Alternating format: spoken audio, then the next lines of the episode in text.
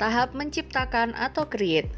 Petunjuk Secara individu, buatlah peta konsep hubungan antara keterampilan membaca dengan nilai pentingnya.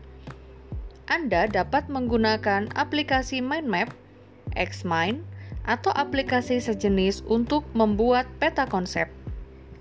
Tempelkan peta konsep Anda yang sudah disimpan dalam format PNG atau JPEG di bawah ini. Anda cukup mengeklik link yang ada di bawah ini, kemudian tempelkan peta konsep yang telah Anda buat.